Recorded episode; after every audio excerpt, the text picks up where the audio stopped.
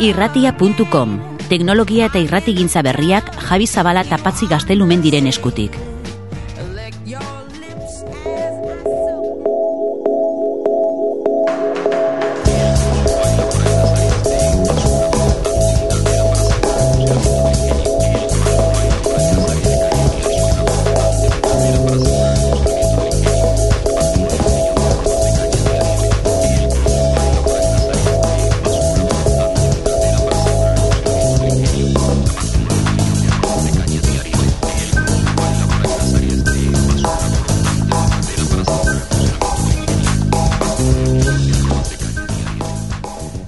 Iepa, eguerdion, hemen gara beste behin ere, hau da irratia.com.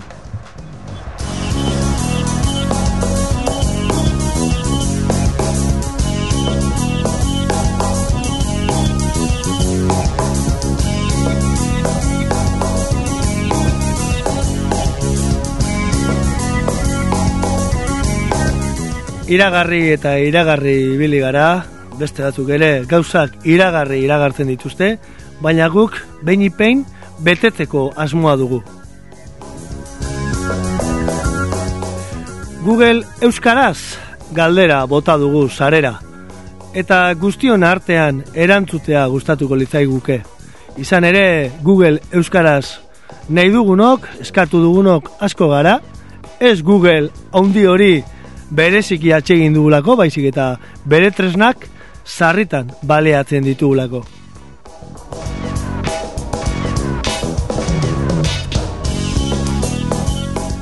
Eta gaurko emankizun honetan, iragan ostiralean Bilboko Eiteberen egoitzan aurkeztu asmo zuten guzti hori, aurkeztu zutena eta esan zutena, ikuspegi kritikos landuko dugu.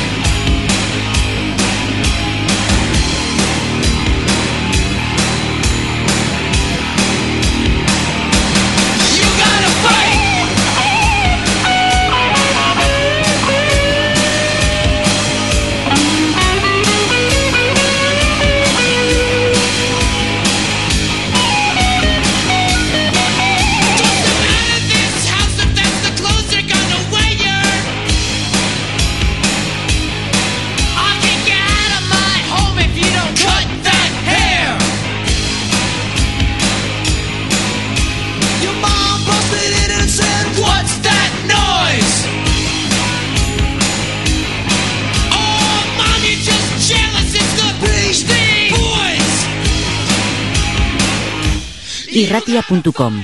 Pentsatu lokalki, eragin globalki.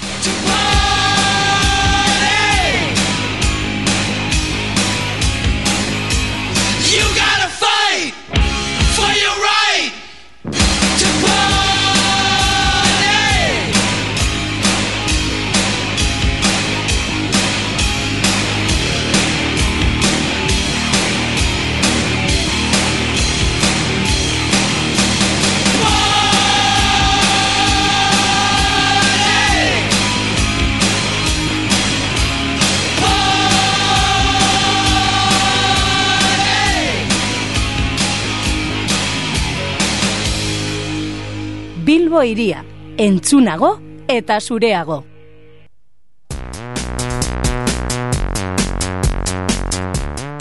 Eta galdera hori darabilgu gure artean. Google Euskaraz? Eta galdera hori erantzun gura genuke modu kolaboratibo parte hartzeaile baten bitartez. Gure lagunetako batzuk izan ziran ostiraletako ostiraleko aurkezpen horretan. Eta aurkezpen horretan gainera, ba, zer ikusi zuten batzuk kontatu ziguten. Ez zuzenean, wifia ez, ez omen zebilelako, baina beraien kronikak irakurri ditugu blogean. Eta kronika horren loturak pasatuko ditugu gaurko emanaldian. Baina bada gurean, bertan zuzenean egon zen bat, eta gaur irratian kontatuko diguna.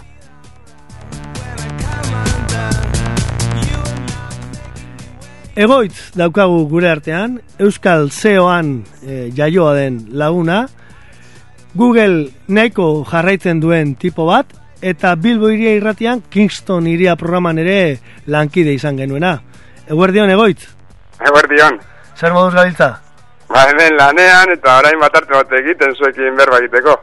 Google Euskaraz izeneko aurkezpen horretan izan zinen e, ostiralean EITB-ko egoitzan, eta zelan labur bilduko zenuke bertan bizitakoa? Bueno, ba, ni ilusio askorekin joan nintzen, zerbait berria aurkeztuko zutela, espero nuelako, baina bakarrik zen akordio bat sinatu zutela esateko aurkezpen bat. Eta orduan, ba, hemen nago oraindik zain, ze berri egongo den ikusteko. Joan nintzen ara, baina denbora galtxo bat izan dela iruditu zitzaidan.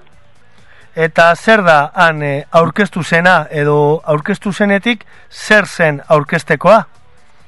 Bueno, ni joan nintzen ara, Google Euskaraz aurkeztuko zela e, irakurri nuelako, eta ara joan ondoen, ba, ikusi nuen nola, ba, Googleek sinatu duen akordio bat eusko jaurlaritzarekin, e, honek erosi duela Google Appliance deitzen den ba, zerbitzari bat, eta honek e, errestu egingo du Eusko Jaurlaritzako eta ITB-ko euskaraz dagoen dokumentu guztiak ba, Googleen indexatzea errezagoa izatea. Tresna hori, tresna horrek zelan funtzionatzen duen edo ezagutzen dugu, ze tresna den, ze e, kosta daiteken, e, zer den azken finean e, jaurlaritzako hizkuntz politika zailburu ordetzak eta EITB berak erosi dutena? Zer den, zertako balio duen, eta zer egin dezaken tresna horrek? Ba, azken finean, tresna horrek egiten duena da ba, gure, gure ordenagailuan instalatzen dugun Google Desktop bilatzelearen antzeko zerbait, orduan, bilatuko du e, EITB-ko edukien artean, eta Googleek errezago izango du dokumentu guztiek horiek ordenatzea eta zelkatzea. Azken finean bakarrik da, ba, e, zeuskaten ordenagailuetan bilatzaile berri bat ezartzea, Googleena. Eta honek, gero ekarriko du, ba, interneten ere dokumentu batzuk, ge, dokumentu gehiago ikusgar, ikusgai egotea. Eta gutxura bera, ze kostu izan dezaken horrelako tresnatxo batek? Egia esan nik ez dakit, hori iespresifekoek jakin beharko dute, eta haiei galdetuko beharko zaie. E, espresif aipatu du e, egoitzek, espresif hain zuzen da e, espresif SL, soziat, sozietate limitatu bat, baina diru publikoarekin e, egin den e, elkarte edo enpresa bat.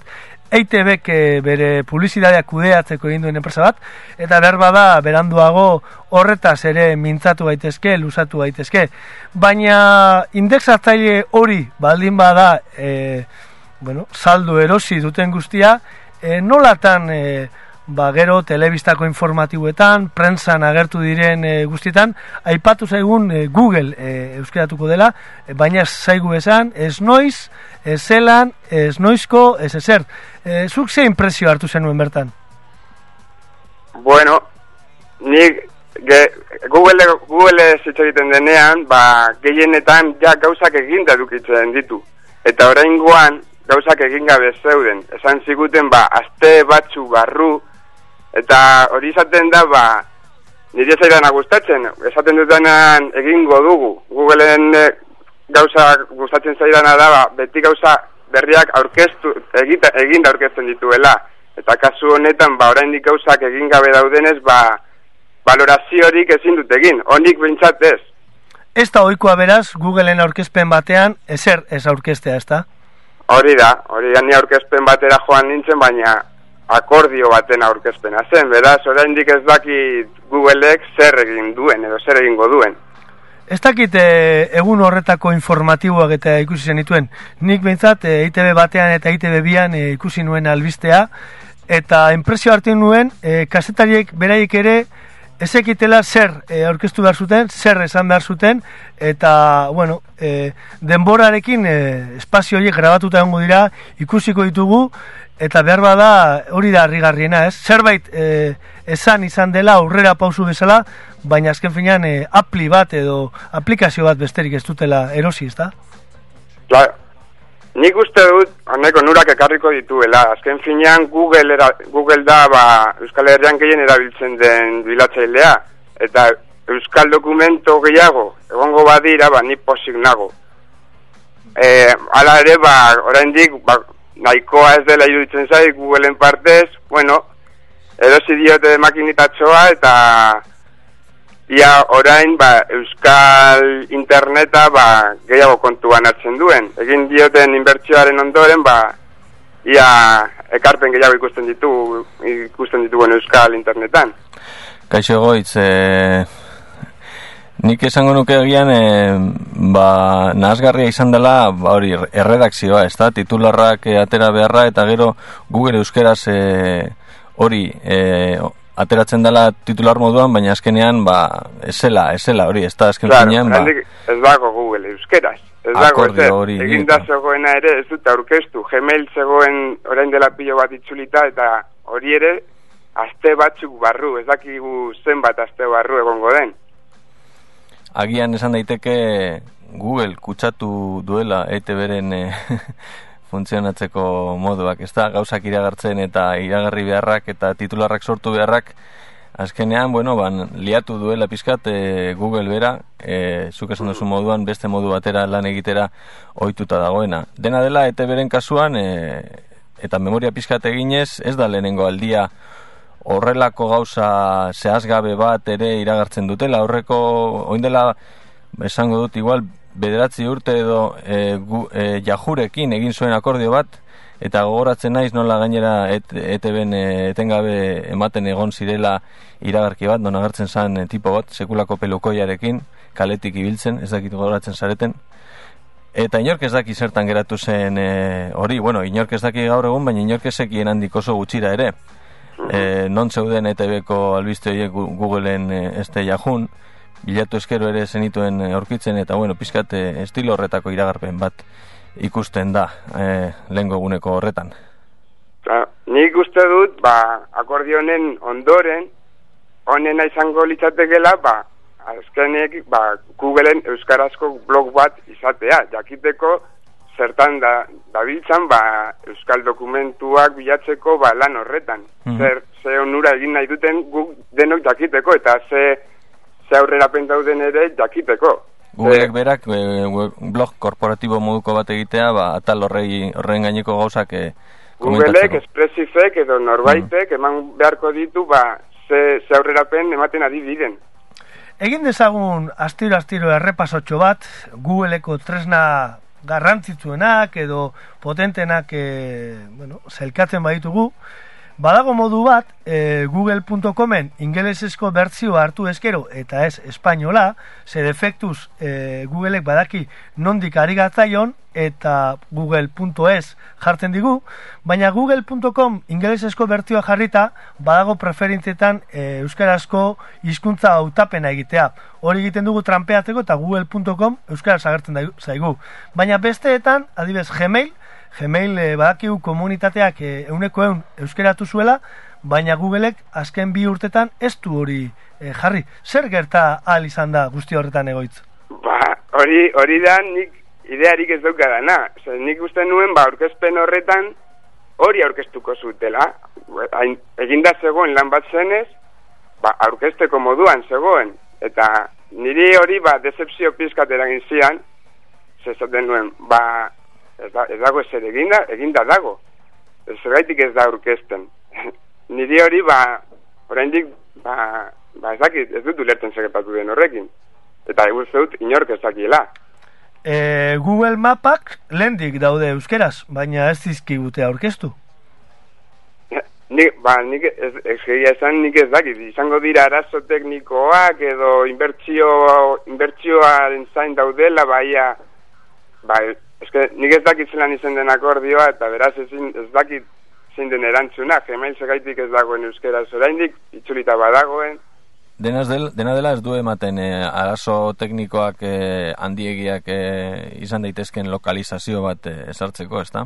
Ez, egia zan ez, baina azkenean ba izango da, ba, Googleen ba, euskal, euskal pertsonala kontratatu beharko dutela, edo azken finean euskal edukia e, kontutan hartu izan nahi, hartu nahi badute, ba, euskal pertsonak egon beharko dira atxean.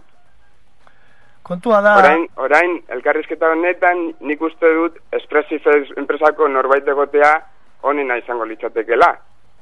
Baina Eh. ez dakit, segaitik ez dauden. E, Expressif, e, bueno, esan dugu, enpresa pribatua da, diru publikoarekin egin dena, eta gero zai honen e, atal batean, mintzatuko gara pizka bat e, Expressifi buruz, e, zarean hemenetan e, topatuko, topatu ditugun e, lotura batzuk e, irakurriko ditugu, eta bueno, e, dakiguna da hori, ez? E, EITBek bere publizidadea eta produktu digitalak e, kudeateko sortu duen e, e, enpresa bat dela, e, SL bat, e, diru publikoarekin egin dena, e, badakigu bere zuzendari komertziala e, Miguel de Reina dela. Mhm. Miguel de Reina izan da duela gutxira arte e, Google e, Iberiako e, zuzendaria ere, oso modu arraro batean e, utzi zuen e, utzi arazi zioten lanpostua, horretaz mintza daitezke, Miguel Reina e, dakizuenez ez da euskalduna, ezin genuen gure saio honetara gonbidatu, baina badu blog bat eta blog hori ere e, bueno, eitb.com berria aurkeztu zutenean gogoeta batzuk egin zituen, e, horiek ere gaurko programara ekarriko ditugu, Eta pizka bat, ba, nahi bauzu e, egoitz, e, horretan hitziko dugu, e, saioarekin jarraituko dugu, eta besteak beste gure entzuleek e, momentu honetan e, igorten ari diren mezuak ere e, zabalduko ditugu. Ba, egoitz, horretan geratzen gara, mila esker gurekin egoteagatik eta respect, I and I. Ester arte, Javi. Gero arte. Ester arte.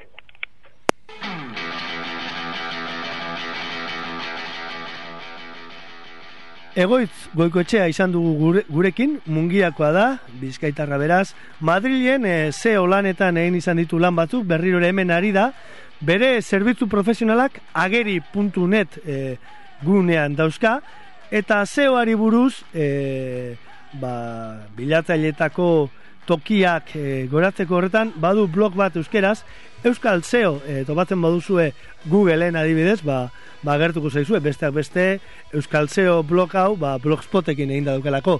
Eta Googleen inguruan, ba, gure artean, asko kontrolatzen duen tipo bat da, laguna dugu, eta horregatik ilusioz joan zen bera ere aurkezpenera, eta horregatik gonbidatu dugu gure irrati zaiura.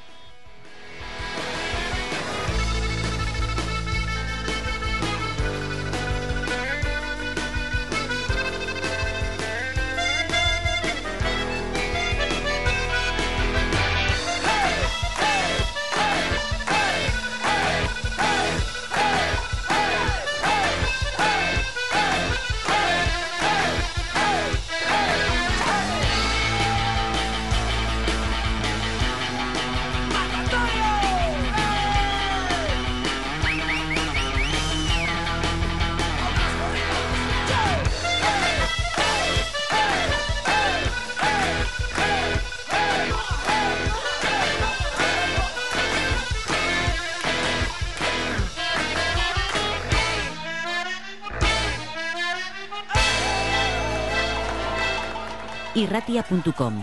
Pentsatu lokalki, eragin globalki.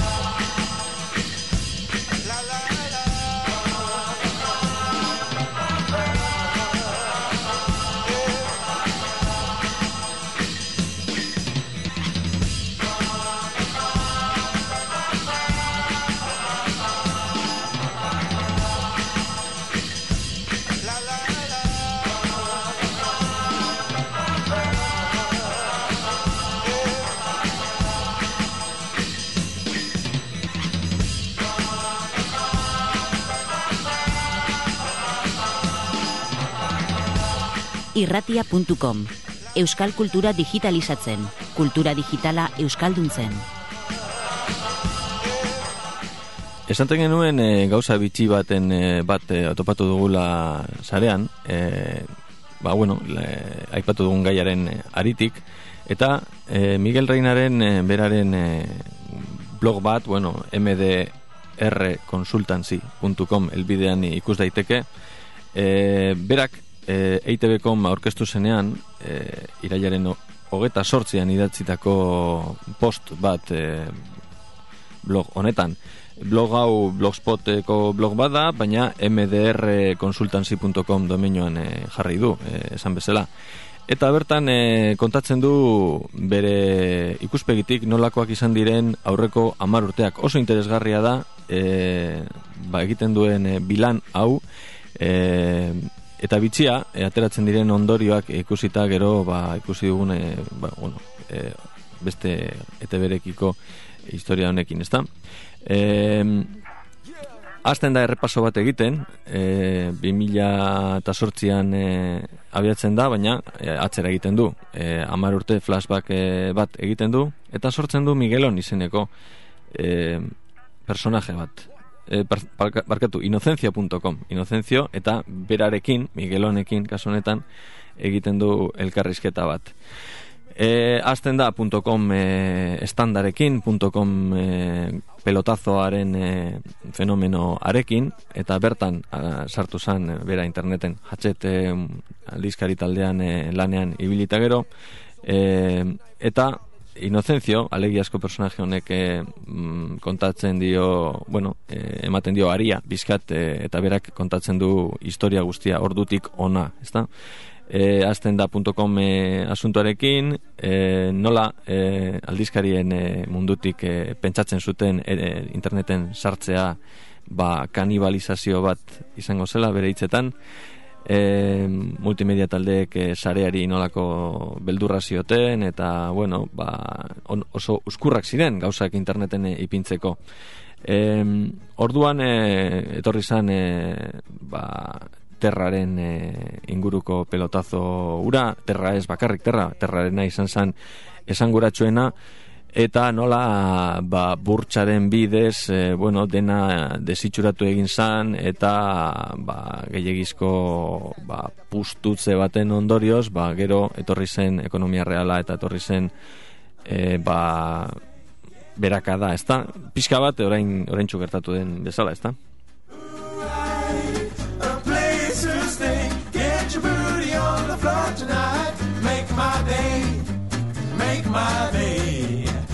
my day. Make my, make my, make, make my day. Make my day.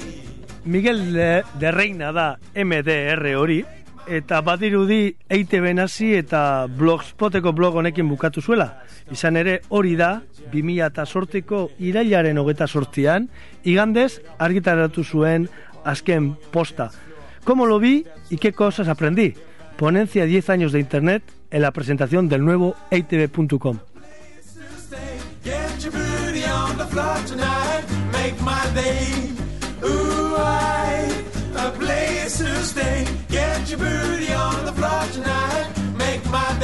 Eta terraren ostean, zein da urrengo aterrizajea? Bueno, be, aipatzen ditu hainbat eh, kontu interesgarri, ez da, nola baterrak eh, erosi zuen likos por, eh, atari amerikarra ama mila bosteun milioi dolarren gatik, hori harin esaten da. E, besteak beste, beste adibide batzuk e, ip- ipiniz, ez da, ikaragarria, zelako dirutza gastatu zen urte horietan, e, ba, kea erosten, ez da, azken finean, e, ba, burtsan, besterik existitzen ez ziren e, ondasun inmaterial batzuk, ez da? Ustez, ba, jendearen gan, e, piztuko zuena, sekulako bisita kopuru ikaragarriak ikusituztela, eta hau eta beste publizitatea prezio eukiko zuela, bestea gau, ba, kontua zan, orain e, ikusita, pelotazo garaiak ziren ordukoak, interneteko konexioak oso oso eskazak ziren, interneten orduan i- genbiltanok, zerbaitetan genbiltanok badakigu zer zen hori, eta eta azken non ulertzen zelan e, edo zerk balio zuen horren beste. Bai, eizpabista izan zen gure inguruan, donostiko elosegian haien kasuan, ba, urbileko beste kasu bat, Ba, bueno, horrelako ikuspegia ere bazuten sortzaile askok, ez da, enpresa sortu, famatu, eta arrakastaren gorenean saldu, eta diru harina egitea hori zan e, sortzaile askoren e, buruan zegoen e, panorama. Eta berriz, ba, inbertitzaile edo espekulatzaileen buruan zegoena da ere, ba, bueno, dirua, dirua harin egitea. Terraren kasuan, hainbatek egin zuten bezala. Baina gero etorri zan, berakada eta sekulako, ba, ostia, hartu zutela e, inbersoreek eta ekonomia reala etorri zen. Baina bitxia da, ze hori 2000 garren urtean izan zen, eta 2007an antzeko historia bat gertatu da, ba, Hombre, oinarri materialago bat eh, duen e, inmobiliaria eta alakoen e, asuntoarekin, baina azken finean begira nola dagoen ekonomia osoa gaur egun e, ba, berakada e, eta globoaren estanda horren e, ondorioz, baina ondorioztatu daiteke ere orduko hartatik e, ekonomiak ez zuela eser ikasi. Ezerrez, eta gainera e, pelotasoaren kulturak e, jarraitu du, e, eraikuntzarena izan da arlo bat, baina beste batzuk ere egon dira, hipotekak e, bueno, banatu dira barra-barra ez zegoen diru baten e, gainean, e, inbersorearen figura e, bueno, e, lukratu da, e, goretzi da, e, jainkotu da, eta aberat berrien e, eremu e, erreinu bat sortu da leku guztietan, baina gure herri eta auzoetatik ikusita mundu guztiak zeukan e, bitxalet, e, ez dakit nongo etxea, ez dakit zenbat kotxe lizinean, rentinean, otinean eta botinean, eta kontua da, ez dagoen diru batekin jolasean iberi garela e, ia ia konturatu barik, e, pobrea, duina eta apala izatea txartu ikusia egonda, eta aberaz berrien errezimua honetan, ba guzurra izan dela egia. Ba, komentatzen genuen bezala, e, ikasi genezakeen e, orain dela orain dela zazpi sortzi urteko e, ba, boom estanda globoaren apurketa horretatik, baina ez, ez, ez zuen ekonomiak ikasi. Eta oraingo krisialdi honetan ere krisiaren erdi erdian ere batzuk e, espekulazioaren eta burtsaren munduko askok erakusten dutena da ez daudela e, gauzak aldatzeko, eskemak aldatzeko prest. E, e, bueno, brometan esaten zuten pa, parodia horretan egiten zuten bi ingles horiek, ezta? E, bueno, orain ja sartzen dute dirua gobernuek bankuetan, beraz, erosteko momentua da, berriz, ekonomia espekulatibo horretara multatzen gara, eta hemen ekonomiaren edo eskemaren aldaketa ekonomi, eta joko arauak aldatzen ez diren bitartean beti etorriko dira espekulatzaileak eta hasiko dira berriro joko berdinarekin, ezta?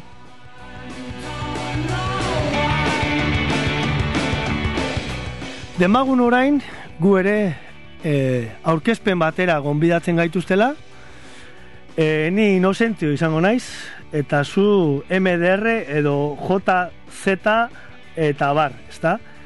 Eta konta dezagun, e, gurean, kea nola saldu den internet garaian.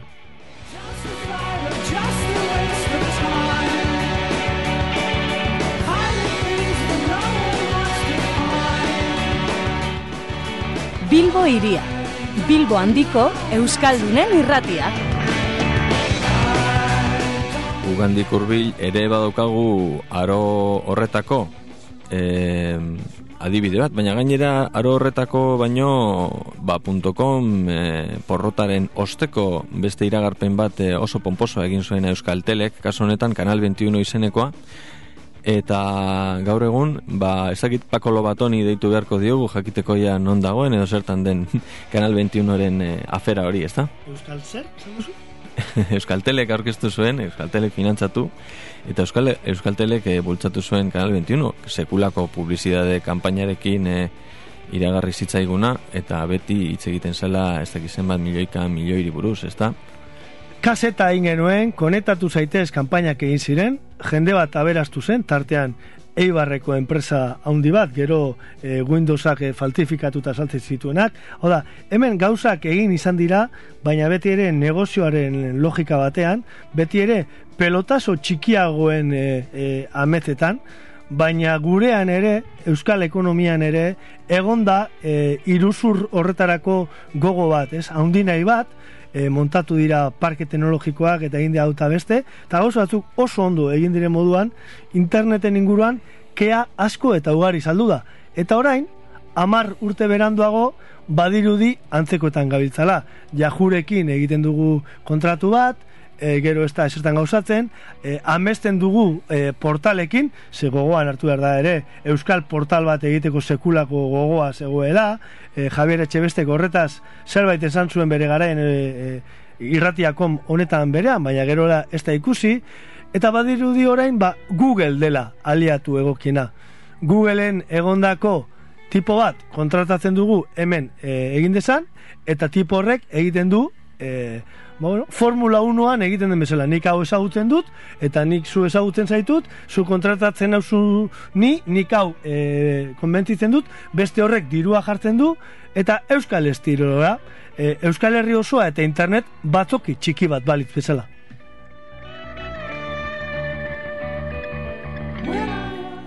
Baina dena dela e, hor e, e, e, eremu espekulatibo handi horretan eta e, egonda beste lan egiteko modu bat, e, geldoagoa nahi bada, e, eta edukietan eta interneten zentratua e, azkenean e, arrakastatxu suertatu dena eta izan da inzuzen ere jahur ez da Googleena ez da Googleek e, bueno, gauza onak aterat, ateratzen produktu onak ateratzen e, internautentzako benetako zerbitzuak e, ematen eta zerbitzu eraginkorrak e, sortuz ba, egin du apurka apurka gora, gora, gora, gora, gerora ere egia da burtsan ere sartu dela, burtsara ere atera zela, batzuk ere aberaztu egingo ziren horrekin, baina ez da izan, hala ere, orain dela beratzi urteko pelotazo ura ez da, dena dela, beste, beste neurri batean egin dute, baina beti eurek ere, euren agerpenetan eta e, emana izan duten irudia izan da,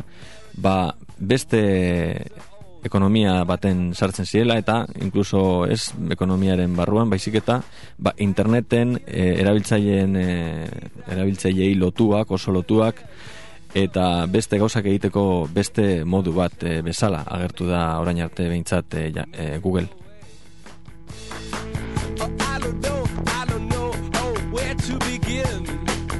Irratia.com Teknologia eta irratigintza berriak Javi Zabala eta Patzi Gaztelumen diren eskutik.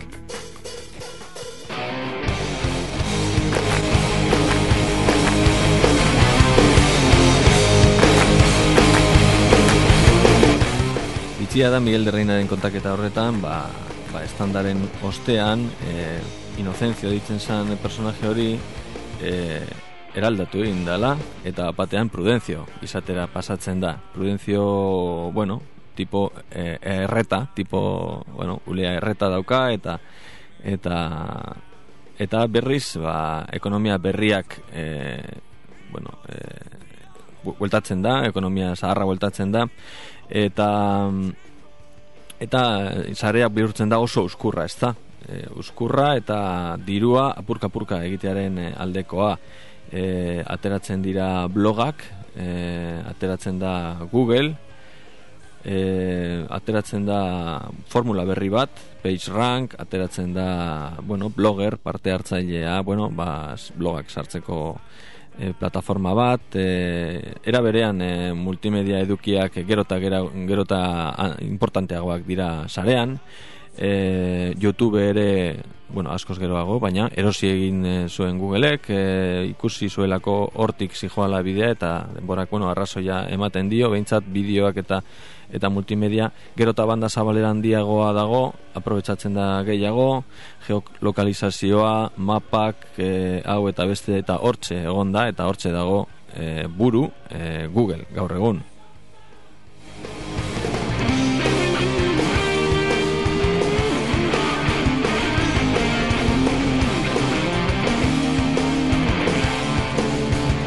Esaten du Google ondo konpondu duela e, bueno, tresnen implementazioa, lokalizazioa eta informazioaren e, kudeak eta mundu mailan, baina bat Google inoiz ez da lokal, lokala izango, hori dio.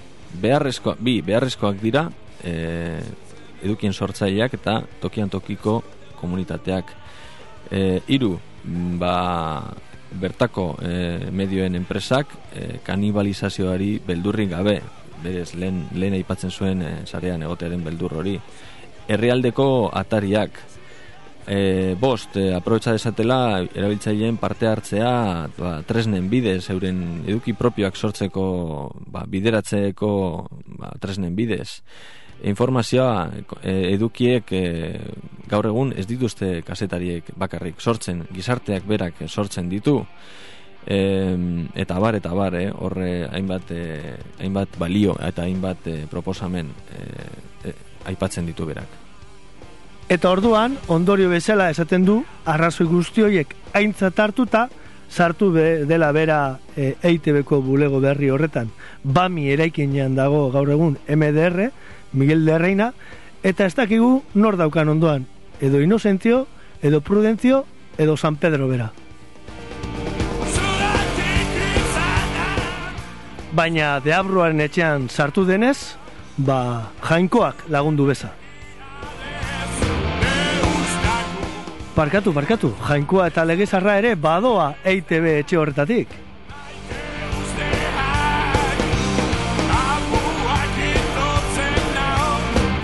Bueno, lege sarrak e, eh, joatea onuragarri izango da, lege berri den bat e, etorrizkero. Auskalo zer etorriko dan, zein izango dan etorkizuna EITB-en. E, denok e, bueno, asko gaudek eskatuta horregatik beti egon garen bezala ba, EITB izan dadin ba, gauza eraginkor bat eta gauza e, positibo bat e, gizartean entzat, e, komunikabide publiko bat e, den e, enean, ezta? E, dena dela, e, badirudi, ba, horrelako iragarpenekin eta Google e, horrela erabiliz eta, bueno, ba, ez dela oso polita emaitza, ezta? Internautak e, internetei kasu egin behar zaie, internautak e, deitu internautak e, e, konsultatu e, badira hainbat adibide eite beren e, barruan hori egiten duten e, irratsaio eta batzuk badirelako. Baina e, bueno, e, EITB-kom ere ideia bezala oso ideia ona da e, eta hor EITB-kom horretan ere internetei bidea ematea baina uste dut e, agian e, hori lortzetik e, urrun geratzen ari dela oraindik e, eitb.com ea datosen urteotan e, gauzak onerako aldatzen diren.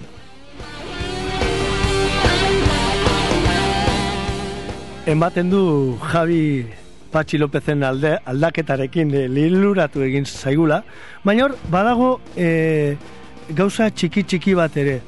Askotan, e, prentzaurrekoetan e, galderak egiten usten ez denean, adierazpen askatasuna moztu dela esaten da, zentzura dagoela, edo hau edo beste. Kasua da, aurreko igande e, ostiralean ere, e, bami erekin horretan, multibox izeneko areto horretan, e, wifi-a ez egoteaz aparte, eta beraz, zuzenean ezin kontatu Twitter bidez edo hango berri, bertaratu zirenek ere ez zutela euki Googleeko zuzendariarekin, edo Miguel Derreinarekin, edo Patxi Bastarreikarekin sola salditxo bat eukiteko aukerarik. Hori ere ez da ba oso hogeita bat garren mendekoa.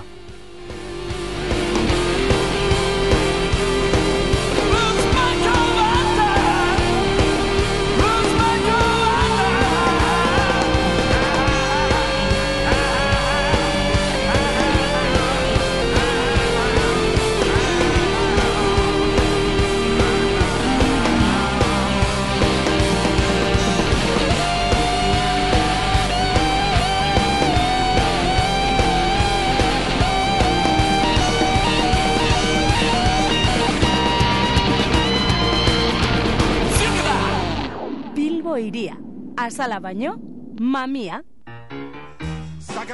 Entzun dugun hori 60 Scissors ziren, berakoak, beraz ez euskaldunak, eh, nafarrak, eta ez dira euskadikoak, eta talde kaineroa, talde rockero ona, eta hemen Bilbo iria irratian, irratia.comen, atzegin dugun taldetako bat.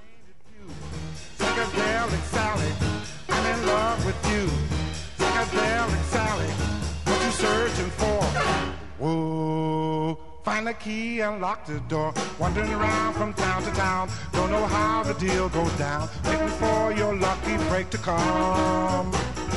Living life from hand to hand, dancing around from. Six, 66ers beratarrak entzun, eta orain Eddie Jefferson jartulon gure disko jartzaileak. What you wanna know? Psychedelic Sally, I love you so. Psychedelic Sally, give yourself a chance. Whoa, come on here and find romance.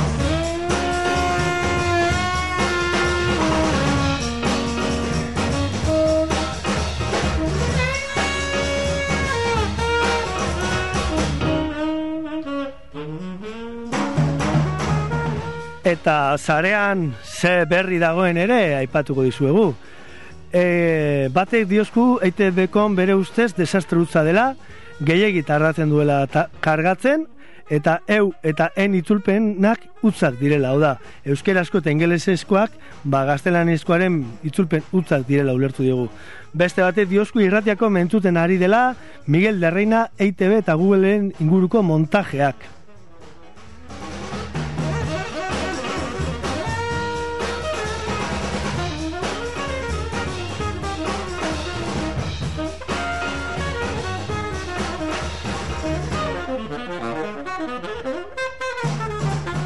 Facebook eta Twitter bidez ere jakin dugu Sergio entzuten ari dela, Josu Orbe ere bai, eta bueno, gorantzia guztiei eta inork zerbait esan gura badigu, ba, borize, entzuteko eta esateko presko dela.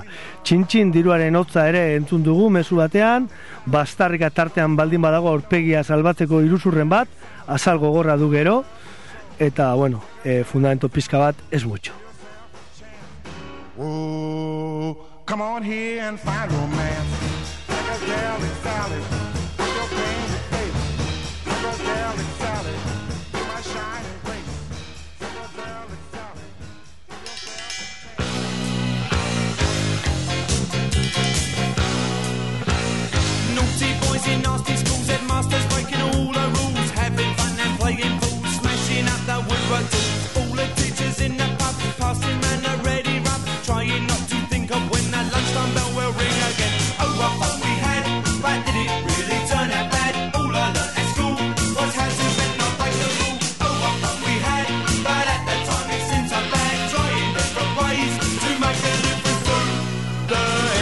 Irratia.com Teknologia eta irratigintza berriak Javi Zabala eta Patzi Gaztelumen diren eskutik.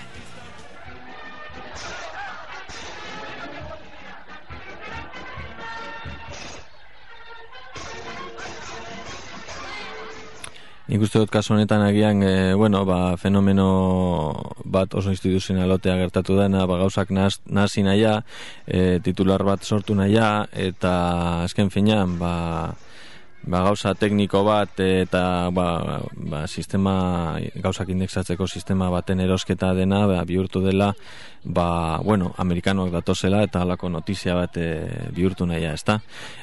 Esan duzu tartean, e, horren ba, jaularitzako buruak e, zeudela, eta klaro, horre e, gogoratzen naiz baita ere, ba, Microsoftekin e, ba, akordio bat hori abomboi platillo ere e, iragarri zutela, Windows e, sistema pribatu hori itzultzeko dirua emanda inolako lotzari gabe ba, software libreko aukerak baztertuz eta eta horrelakoak, ez da?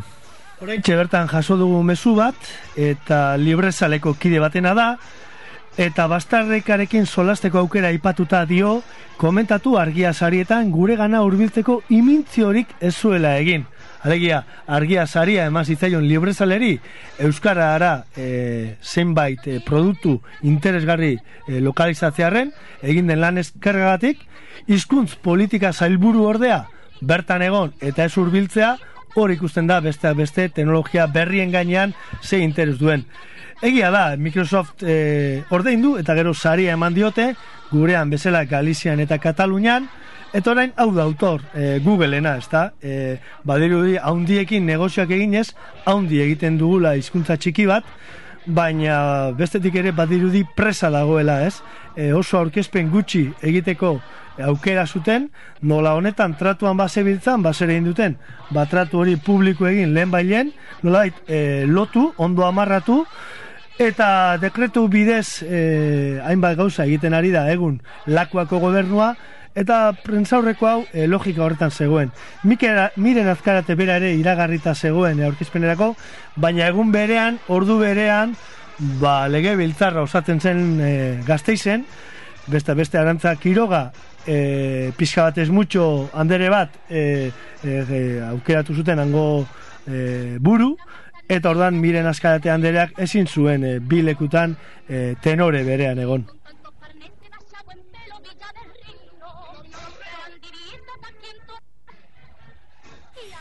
Bai, e, azken finean hori ba, akordio bat e, iragartzeko ba, beste bide batzuk e, egon daitezke. Bueno, ni, e, mm, azken finean paralelismoak esartzen jarrita ba, iragarri dezakegu, ba, Bilbo iriak e, ba, sinatu berri duela, zer konten enpresarekin ba, gure estudioetako ba, ondakinak kudeatzeko akordio bat. Eta azken finean bada hori ba, garbitzaile bat e, kontratatu zula edo lako zoze. E, izkuntza erabili daiteke eta modu askotara, ez da? Eta azken finean ba, kea ikusten baldin bada urrundik e, zurik, e, batzutan zurik ez dagoen seinale ere bada. Baina begira kontua zelan diren, lotza pizka bat ez mutxo esateko beste, espresif.es gunera sartzen gara, EITB sortu duen e, bueno, enpresa berri hori, SL hori, eta gure harridurarako hizkuntza bakarra du espresif.es horrek. Google euskera se alían en EITB, da bere azken albistea. Hau da, Google euskera salían en EITB euskeraz esateko gai ez den enpresa batek kudeatu du akordio hori, kudeatuko du gure publizidade digitala eta kudeatuko du gure pantailetako iragarkien ba, negozioa. Nik uste dut pizka bat ez mutxo eta batu behintzat pasatu egin direla. Bueno, eta onaino, ba, molde zahar eta berrien arteko talka honetan eh, pizkate berria galtzaile atera den eh, honetan, eta euskera tartean, eta euskera aipatu aipatu, baina azken finean e, euskararen alde ezer gutxi ekarri duen e, honen e, jokaldi honen e, analizia onaino. E, espero dugu zuek ere zuen gogoetak e, plazaratzea eta horretarako hainbat bide dituzue, Twitterren bidez eta Facebookeko taldearen bidez, e, noski posta elektronikoaren bidez, formulario kontakto formularioaren bidez, chat gelaren bidez, azaldu, adirazi, zeuen burua. Eta internetek ematen digun aukera parte hartzea dela, ahotza e, e, altzatzea, idaztea, era berean salatuko dugu e, ikuspegi kritikoz, nola euskal medioak, offline medioak, egunkariak, irratiak eta ez duten txintik esan gauza honi buruz, prentzaurrekoa eman dieten bezala txupatu dutela, batzuetan kopipaste utza izan da iraga, e, argitaratu diren albisteak, eta horren gainean ba, erabiltzaileon eta euskaldunon hitza ere entzun behar dela, ezaguturazi behar dugula, eta naiz eta oporrak izan, gogo eta egin beharko dugula honetarako, ze, bueno, e, badu bere dimensioa gaiak, euskaldunok ari gara zerbaitetan, sortzen ditugu edukiak, e, egiten ditugu lanak, mapeatzen ditugu gure kaleak, eta alde horretatik, ba, bueno, egiten dugu lana aintzakotzat hartu behar dugu guk geuk lehenengo, eta horren berri eman. Mila esker guztioi.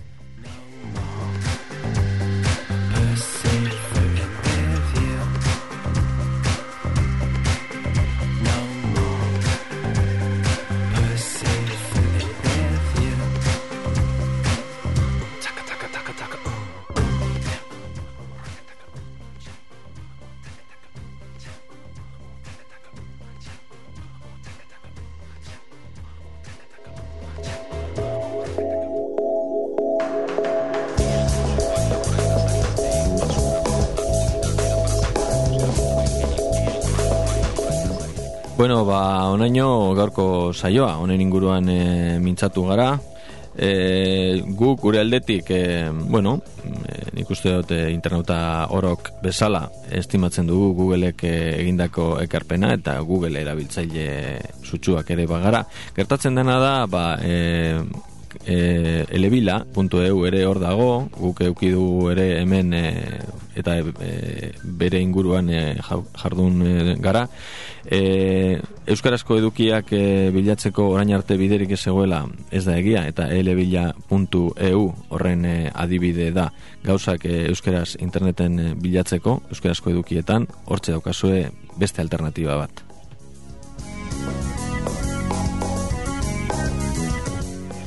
Bitartean, izan Euskaldun, izan libre, eta badakizue hau irratia.com izan da, gai monografiko batekin, Google Euskaraz, eta sarean dagoela entzun gai, eta Euskal Herriko irrati asko eta askotan, Euskaldunak eta libreak gehienak.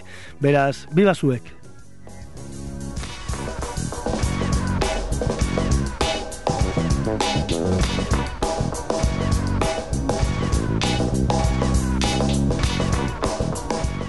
Datorren astean, gehiago.